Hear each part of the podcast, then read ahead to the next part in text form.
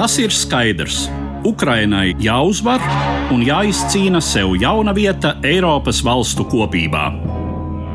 Bet neatbildēts paliek jautājums, kas būs ar Krieviju? Katra mēneša pēdējā ceturtdienā pēc trījiem es, Eduards Liniņš, uzdošu šo jautājumu Latvijas un ārvalstu ekspertiem. Mēs mēģināsim saprast, kas visticamāk gaida mūsu austrumu kaimiņu valsti un ko no tās varam sagaidīt mēs. Labdien, cienījamie klausītāji! Mēs turpinām mūsu sarunu virkni, un šodien mans sarunbiedrs studijā ir Austrumēropas politikas pētījumu centra pētnieks Mārcis Balodis. Labdien! Labdien!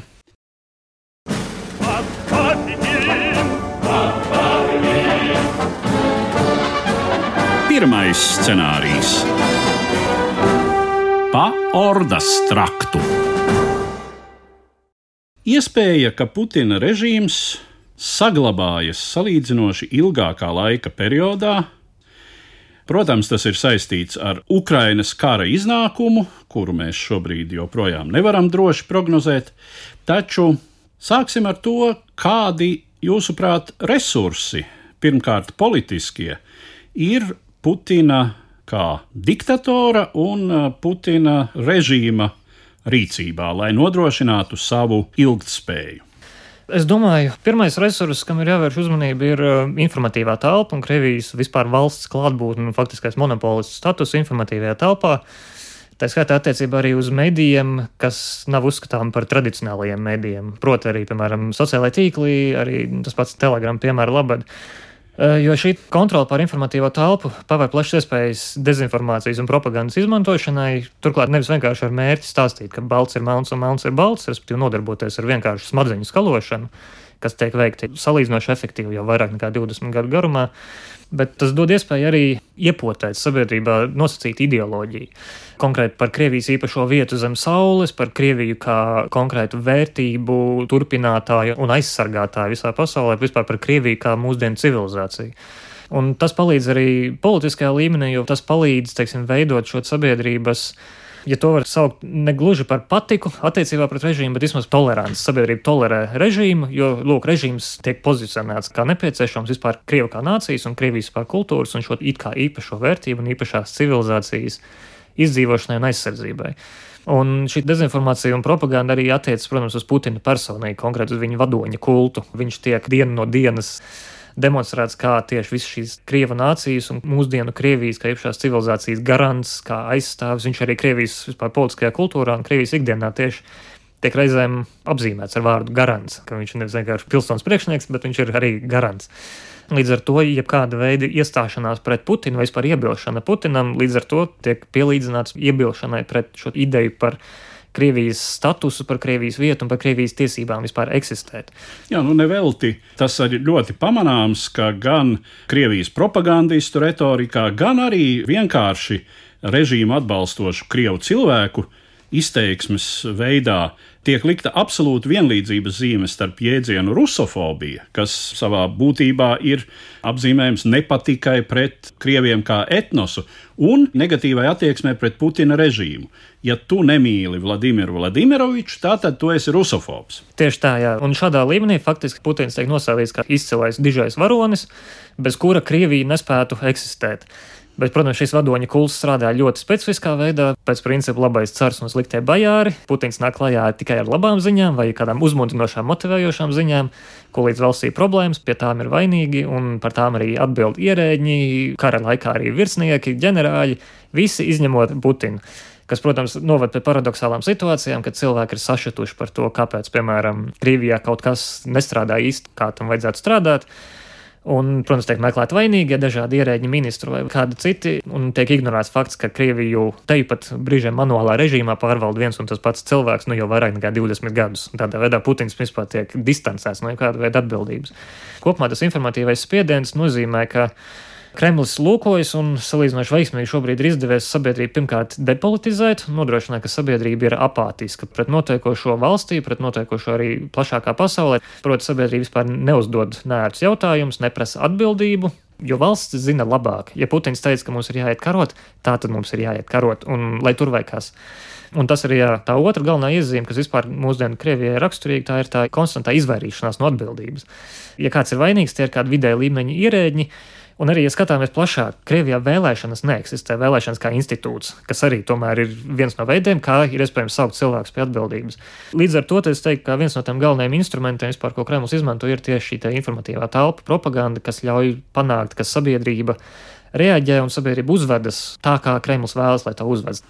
Te mēs esam nonākuši pie ļoti būtiskas, fundamentālas lietas, kas ir atvedināma līdz principiālajai starpībai starp demokrātisku un nedemokrātisku varu, un uh, atbildē uz jautājumu, kāpēc tad sabiedrības tomēr joprojām izvēlas nedemokrātisku varu. Un tas ir šis atbildības faktors, respektīvi bezatbildības faktors. Tas, ka katrs sabiedrības loceklis, kurš to vēlas, var maksimāli atkratīties no savas līdzatbildības par valsts, nācijas sabiedrības likteni. Un šādu psiholoģisku komfortu nespēja piedāvāt neviens demokrātiskais režīms. Kāpēc demokrātija daudziem netīk? Tieši tā, jā, viena no pamatiezīmēm demokrātijai ir tas, ka demokrātijas kvalitāte ir tieši saistīta ar sabiedrības iesaisti vispār demokrātiskajos procesos. Ja iedzīvotāji neinteresējas un neiesaistās par to, kas notiek ap viņiem apkārt, loģiski, ka par to sāks interesēties kāds cits. Jo citādi ir ļoti grūti izskaidrot patiešām Krievijas sabiedrības šo inertumu. Galu galā pašreizējā kara darbība nu, ne tuvu nenorisinās tā, kā tas bija vismaz sākotnēji solīts. Nerunājot arī par pašu Putina tēlu. Var jau stāstīt, ka viņš ir spēcīgs līderis, varonis, bet tās rociņas jau fiziski acīm redzami brīžiem trīc. Tas ir tiešām uh, večuks, fiziski jau pavārks. Nevelti tagad sāk runāt par to, ka tur, kur ir kaut kāda aktīvāka fiziska kustība vajadzīga, ka to iespējams veids dubultnieki. Tai visā, nu, teiksim, arvien vairāk parādās kaut kādas traģikomiskas detaļas Jautājums tad ir par šiem bajāriem. Cik tad ilgi tie ir gatavi uzņemties no vienas puses dubļus, ar kuriem viņus apmētā apakšas, un uh, dažādas rokādes iespējamās un iespējams pat potenciāli grēkāža statusu, ar kuru viņus var apbalvot tā sacīt priekšniecība. Jā, šis jautājums šobrīd, es domāju, tīpaši pēdējā nedaudz vairāk kā gada laikā, ir ārkārtīgi aktuāls. Bet, ja runājam vispār par Krievijas eliti kopumā, tā skaitā arī par tiem, kuri var kļūt par potenciāliem grākāžiem, es domāju, tas, ar ko viņi nodarbojas ikdienā, galvenokārt ir uh, nosacīts aprēķins, guvumi pret zaudējumiem. Un joprojām tas aprēķins, katrā gadījumā absolūtiem vairākumam no viņiem ir par labu ieguvumiem, ko režīms vismaz šobrīd vēl ir spējīgs sniegt. Es teiktu, tā ir piekļuva resursiem, gan finansiāliem, gan arī politiskiem resursiem. Un šie zaudējumi, ko nodrošina lojalitāte šobrīd režīmam, tas tieši izpaužas kā tāds nosacīts buldogu cīņas zem paklāja. Tā ir nemitīgā tā rīvēšanās, kas ir novērojama elitē. Taču šīs rīvēšanās pamatā ir tieši mēģinājumi izvairīties no atbildības, Visi mēģina kaut kādā veidā nogrozt atbildību uz citiem, lai nekļūtu par šo grēkāzi. Ja mēs izējām no šāda pieņēmuma, tad ir vērts skatīties uz to, teiksim, kam būtu jānotiek, lai šī riska pret zaudējumu vai teiksim, ieguvumu pret zaudējumu šis aprēķins pēkšņi mainītos. Un viens no apsvērumiem ir tieši tas, ka Piemēram, Kremlis kādā brīdī var nespēt nodrošināt kaut kādu interesu grupu aizstāvību vai piekļuvi resursiem viņiem nepieciešamajā apmērā. Tajā brīdī viņi jau sāk domāt par savu personīgo izdzīvošanu. Jo elišu starpā nepastāv īsti alianšu vai kaut kādas savstarpējas uzticēšanās. Tās ir tikai tādas izteikti politiskas koalīcijas, kurās nav draugi, ir tikai kopīgs intereses. Ja Maskava nespēja apmierināt šīs vajadzības, tad pavērs iespējas, ka elites var sākt meklēt citus veidus un sākt apsvērt citas opcijas, kas nodrošinātu viņu interesu aizstāvību. Bet tajā brīdī, principā, mēs jau varam runāt par potenciāli jau kaut kādu juku tuvošanos. Jo veidojas jau dažādas alianses, veidojas mēģinājumi dažādas koalīcijas izveidot, kas apdraudētu jau vispār Maskavas un pastāvošā režīma izdzīvošanu nu, īstermiņā, nemaz nerunājot jau par ilgtermiņu. Ukrainas uzvara, kas nozīmētu atgriešanos pie 2014. gada sākuma valstu robežām. Pilnīgi noteikti. Jautājums ir par citiem aspektiem, kas ir kara nozieguma izmeklēšana, tiesāšana un tā tālāk. Bet, ja ir šis faktors, vai tas varētu būt pietiekams trieciens, lai šis režīms to neizturētu? Es domāju, šāds risks pastāv, ka tas var kalpot par katalizatoru, lai rosinātu vispārējas nekārtības un neapmierinātību elišu starpā tik tālu, ka tās jau sāktu apsvērt uh, burtisku fizisku režīmu nomaiņu, vai mierīgā, vai netik miermīlīgā ceļā. Jo šāda militāra sakā nozīmētu pirmkārt, ka galvenokārt bruņotie spēki, nekavējoties mēģinātu atkratīties no jebkāda veida atbildības, jo viņi saprot, ka viņi būtu paši pirmie, kurus kārtu pie lielā zvana. Labi, ja pie zvana, nevis pie laternas. Jā, tēlēni izsakoties. Jā, jo gal galā Krievijas bruņoties spēki skaidri apzinās, ka viņi mēģina izmantot militārus līdzekļus, lai sasniegtu politiskas intereses, politiskus mērķus, bet šeit mērķi īsti nesaskan ar pieejamiem līdzekļiem. Jo gal galā, jāsaka, arī, protams, Ukrainai šobrīd lielā mērā paveicies ar Krievijā nostiprināto kleptokrātismu, ar mūžīgo korupciju, kas Krievijai ir lopījusi spēku. Un bruņoties spēki šādos gadījumos, nekavējoties mēģināt kaut kādā izvairīties no nonākšanas krustugunīs. Tam sakot, arī drošības dienesti, kuri arī lielā mērā ir, ir sākotnēji jau pašos pamatos saistīti ar to, ka vispār plānot iebrukumu un nodrošināt fizisku kontroli pār notiekošo.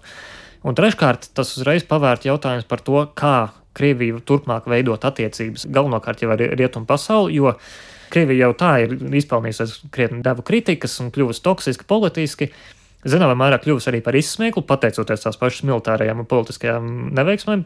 Tas nozīmē arī Ukrainas tūlītēju, domājams, strauju virzību gan Eiropas Savienības, gan NATO virzienā. Tā būtu Krievijai ģeopolitiska sakāve. Tas būtu, principā, viss mūsdienu Krievijas ģeopolitikas pamatā esošo vērtību un esošo ideju un principu absolūti sakāve un sagrāve. Un tas nozīmē, ka mēģinājumi atkritīties no atbildības pašā augstākajā politiskajā līmenī par to, kā, pieņemsim, gada, divu, trīs vai piecu gadu laikā, kā ir iespējams sagraut pilnībā visu, par ko Krievija mēģinājis postulēt kopš PSRS sabrukuma. Jā, un vēl jau vairāk potenciālajiem varas pārņēmējiem ir šobrīd parādījies ļoti veiksmīgs instruments - vienkārši aizsūtīt uz Hāgu. Jā, tas arī ir teiksim, tāds biedēšanas rīks, ko var izmantot, jā, protams, pret augstāko politisko vadību, taču ir iespējams izmantot arī pret dažādiem zemāk vai vidē līmeņa atbildīgajiem. Ja mēs tomēr pieņemam, ka šim Putina režīmam izdodas uz kādu laiku, salīdzinoši ilgāku laiku, tomēr sevi saglabāt, nu, piemēram, tomēr panākot Ukrainas kara iesaldēšanu, Ukrainas cilvēku izturība arī nav bezgalīga Var vienā brīdī iestāties nogurums, sevišķi, ja frontes līnija tuvosies pagājušā gada 24. februāra robežām, un tad varbūt var piespiest Ukrainu vismaz uz pamieru, uz uguns pārtraukšanu. Vai šādā situācijā, ja Putina režīms turpina pastāvēt, un visdrīzāk tam neizdodas atgriezties normālā attiecību situācijā, daudz maz normālā rietumiem, Cik liela ir iespējamība, ka Krievija kļūst par Ķīnas vasali un vispār tādu eiraziātisma priekšējo līniju šeit uz rietumu pasaules robežas? Saprotams, ja mēs skatāmies dažādiem kvantitatīviem un visādi izmērāmiem faktoriem, tad Krievijai šāds risks pastāv, un tas risks ir gana nopietns. Ķīna ir vienkārši spējīga pārspēt Krieviju lielākajā daļā rādītāju. Bet eh, es domāju, būtu arī pārsteidzīgi apgalvot, ka Krievija neapzinās šo risku. Ja lasa Krievijas publicistiku, Krievijas presi, tad regulāri var redzēt, ka cilvēki pauž bažas par to, ka lūk, šī pārorientēšanās uz Āziju, konkrēti tieši sadarbība ar Ķīnu, ka tā Krievijai nes, protams, arī politiskus un ekonomiskus ieguvumus, taču aiz tā visa, teiksim, aizkulisēs tāda liela tumša ēna ir, principā, kļūt par de facto piedēkli Ķīnai, kas būtu spiests sakot vienkārši Ķīnas ārpolitikai faktiski.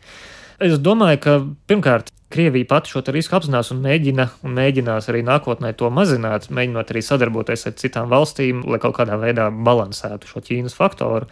Bet otrkārt, tik un tā Krievija lai gan tā ir izolēta teiksim, no rietumu pasaules, tā joprojām ir gana daudz, ja ne sabiedroto, tad vismaz neitrāli noskaņot valsts arī Azijas reģionā kopumā. Krievija joprojām ir dabas resursiem gana bagāta valsts, un Krievijai arī joprojām ir uh, kodolieroči.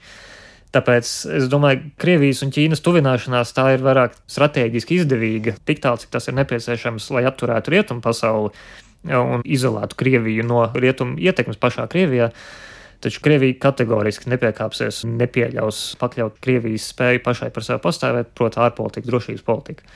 Īsāk sakot, pat Ķīnai Krievija ir pārāk liels kumos. И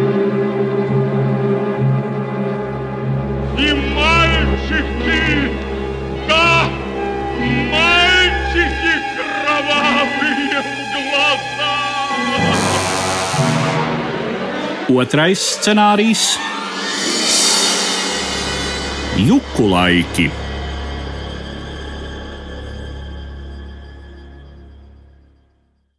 Otrais scenārijs, kad patiešām režīma sabrukums Krievijā var nest ļoti nopietnu draudu vispār valsts pastāvēšanai.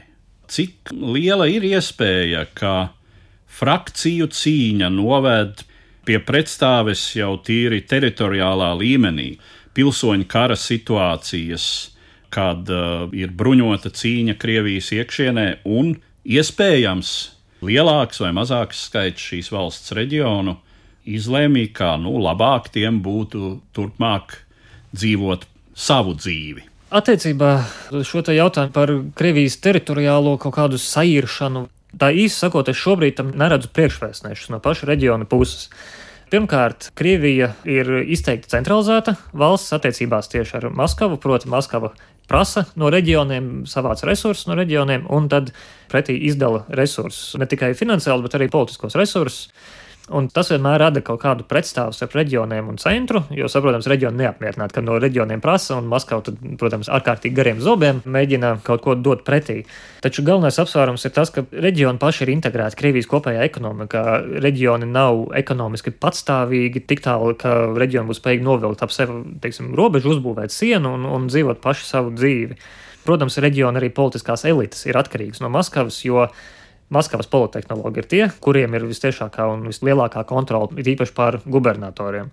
Ja kāds vietējās elites sāk aktīvi izrādīt pretestību, tad pilnībā iespējams scenārijs ir tas, ka Maskava viena telefona zvana laikā principā informē, ka šādi lietas nenotiks, un ja elite strauji nemaina savu uzvedību, tad uh, elites pastāvēšana ar to arī faktiski var beigties. Tā ir skaitā Nav runa tikai par uh, militāru vai drošības dienestu spēku, bet arī par to, kas par visiem šiem reģionu līderiem glabājas attiecīgās mapītēs. Tieši tā. Un tāpat uh, vēl viens apsvērums ir tas, ka daudziem reģioniem nav savas teiksim, nacionālās vai etniski politiskās identitātes. Respektīvi, tiem nav kaut kādas idejas vai ideoloģijas, uz kuras pamata varētu pamatot, ka lūk, ir nepieciešama autonomija vai pat jau pilnīga neatkarība lai nodrošinātu savas kaut kādas vietējās specifiskās kultūras eh, izdzīvošanu vai saglabāšanos.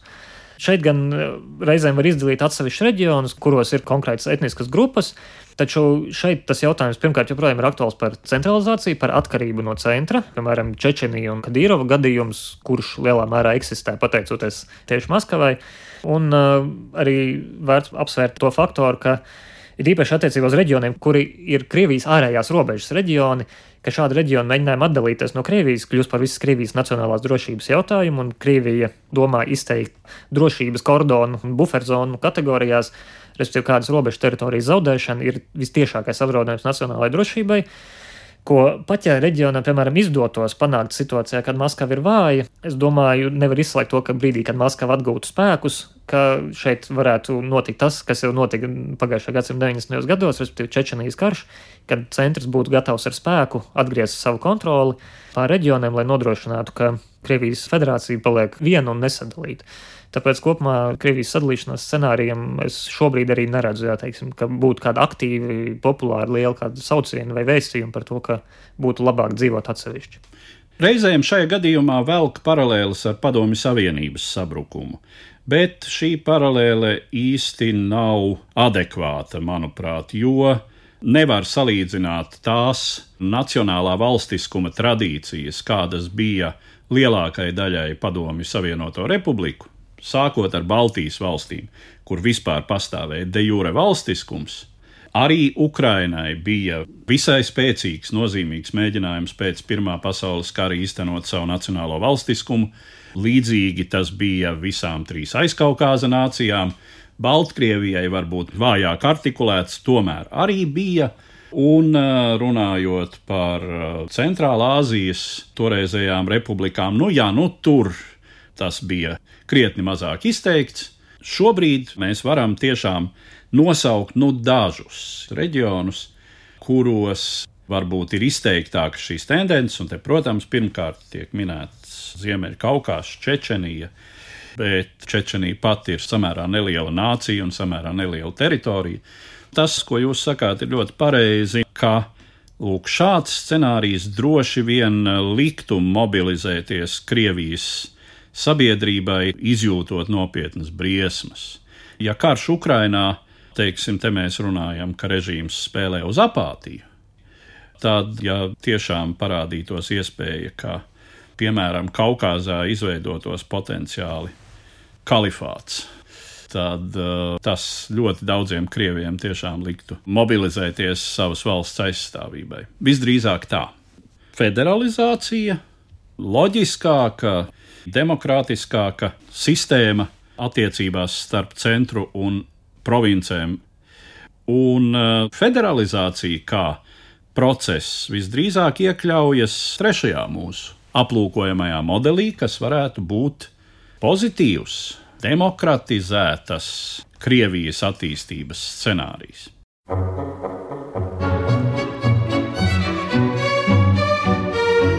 Trešais scenārijs - Oda priekam par Gulbju ezeru vai Krievijai ir demokratizācijas potenciāls? Jautājums vietā. Potenciāls noteikti pastāv, jo var redzēt, ka Krievijā pastāv demokrātiski noskaņota sabiedrības daļa un arī interese un pat alkas pēc demokrātijas daļā sabiedrības eksistē. Taču uzreiz arī ir jāliek pretī, bet, un te ir vairāk apsvērumu, kas jebkādiem demokratizācijas centieniem var pārvilkt rēknu svītru. Pirmkārt, tas ir jautājums par Krievijas politisko kultūru. Atgriežoties pie tā, par ko runājām jau pašā sākumā, tā ir Krievijas sabiedrības vispārējā attieksme pret politiku un iesaistīšanās politikā. Un šeit Krievijas sabiedrība lielā mērā īsteno to varētu saukt vai par pakļaušanās politisko kultūru vai izdzīvošanas kultūru un sabiedrība neiesaistās vispār procesos, un līdz ar to iespējams attīstās arī nosacīts no vienas puses cinisms attiecībā pret politiku kā tādu. Politiķi netiek uzskatīti par kaut ko cienījamu vai kaut ko tādu, kas ir spējīgs aizsargāt iedzīvotāju intereses. Bet tajā pašā laikā pastāv arī zināms tāds kā valsts paternālisms, kad sabiedrība ir gatava klausīt tam, ko valsts saka, lai gan vienlaikus aiz slēgtām durvīm, teiksim, slēgtā virtuvē, draugu lokā, visi runā kaut ko pavisam citu. Līdz ar to, ja šāda depolitizēta sabiedrība nav gatava aktīvi iesaistīties un aktīvi pieprasīt kaut kādas pārmaiņas, un vēl jau vairāk pieprasīt tās pārmaiņas masveidā. Krievijā ir vairāk nekā 140 miljoni iedzīvotāji. Līdz ar to, lai šādas pārvērtības notiktu, tām ir jābūt visaptvarošām valsts mērogā un ar nepieciešama liela un plaša sabiedrības iesaist, kas attiecīgi depolitizētā, demobilizētā sabiedrībā ir sarežģīti sasniedzama. Un otrkārt, ir jautājums drīzāk teorētisks par to, vai Krievijas sabiedrība saprot, kas ir demokrātija. Daļai demokrātija kaut kas, kas asociētos drīzāk ar Gorbačovu, ar perestroiku un glasnosti, respektīvi ar kaut ko negatīvu, ar kaut ko, kādēļ sabruka PSRS. Kādiem citiem demokrātijām asociējas ar Jeļcina laikiem, ar privatizāciju un privatizāciju, ar mežonīgiem rietumiem un mežonīgo kapitālismu. Un, līdz ar to demokrātijai kā jēdzienam brīžiem Krievijā ir negatīva pieskaņa, jo mēģinot iedzīvotājiem stāstīt, ka, lūk, demokrātijā sabiedrība ir spējīga aizstāvēt savus intereses un prasīt no politiķiem atbildību, taču šādā jautājumā izlēna ārā cinisms attiecībā pret politiku un politiķiem, kur netiek uzskatīti par ieinteresētiem vispār vidējā iedzīvotāju rūpēs un raizēs. Līdz ar to demokrātija vispār netiek uzskatīta par kaut ko nepieciešamu vai svarīgu.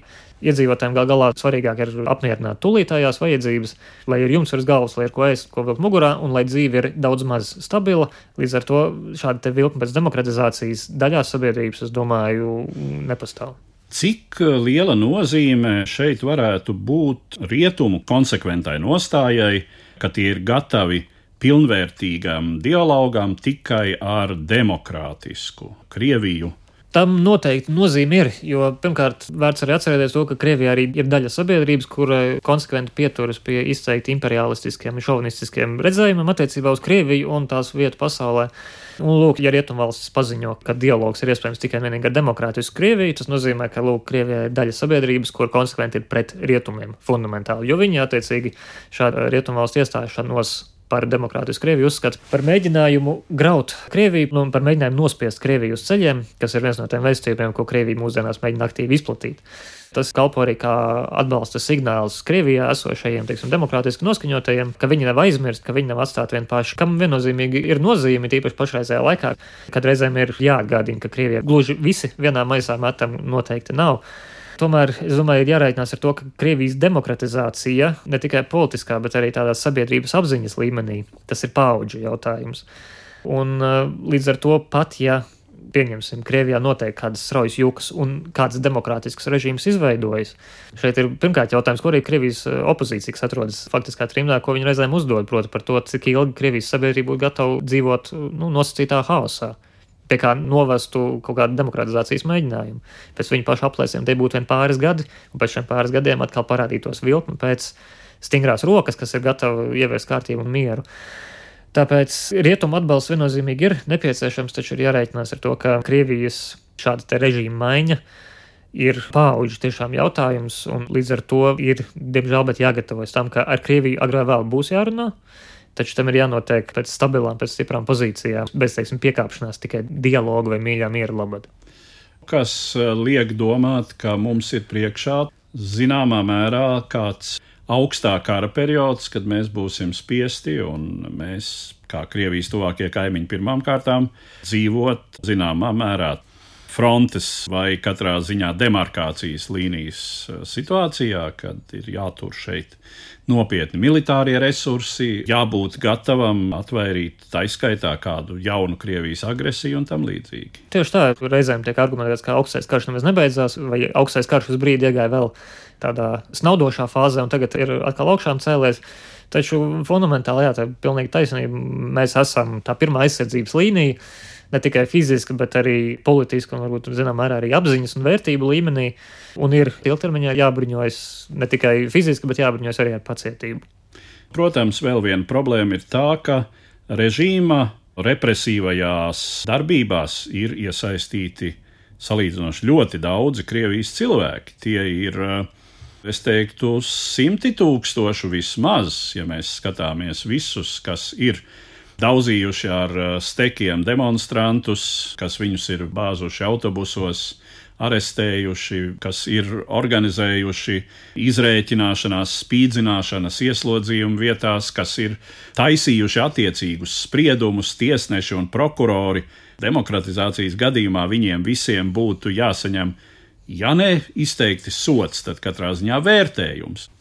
Tā tad, noslēdzot mūsu sarunu, Ja es lūgtu paspekulēt par to, kurš no šiem trīs pamatmodeļiem režīma saglabāšanās ilgākā perspektīvā nozīmīgs sabrukums, kas varētu būt vai nu valsts sairšana, vai katrā ziņā ilgstošs pilsoņu kara periods un uh, demokratizācija, atgriešanās rietumu apritē, jums šķiet ticamākais? Es domāju, īstermiņā Tas noteikti tas būtu pirmais scenārijs, ko es vairāk sagaidītu. Taču, skatoties, es domāju, jo tālāk ilgtermiņā dodamies, jo, domāju, jo lielāka iespēja, ka parādās šādi dažādi scenāriji, kaut kāda kombinācija vai hibrīds modelis. Jo gal galā Krievija ir milzīga valsts ar dažādiem strāvojumiem, dažādām interesēm, ne tikai reģionāli, bet reizēm pat lokālā mērogā. Taču es domāju, šī demokratizācija būtu izteikti ilgtermiņa prognozes par to, ka kādu dienu tas notiks. Taču tā ir raugoties vidējā termiņā, tā būtu režīma iecementēšanās, kas vienlaikus iet roku rokā ar mūždien pastāvošu juku koeficientu, ja to tā var nosaukt. Un režīma mēģinot balansēt pašam savas stiprās un vājās puses, mēģinot nodrošināt režīmu izdzīvošanu. Taču no apakšas vienmēr gruzdot kaut kādai um, demokratizācijas tendencei, kaut kādai sabiedrības daļai, kura nav īsti mierā ar notiekošo un kura meklē to izrāviena punktu vai to impulsu un katalizatoru, kas varētu piešķilt uguni pakulām. Ar to tad es arī noslēdzu mūsu šodienas sarunu un Saku paldies manam sarunbiedram, Austrumēropas politikas pētījuma centra pētniekam Mārcim Balodim. Kas būs ar Krieviju? Neizbēgamie jautājumi un iespējamās atbildes par mūsu austrumu kaimiņu valsts nākotni. Katra mēneša pēdējā ceturtdienā pēc trījiem Latvijas Radio 1.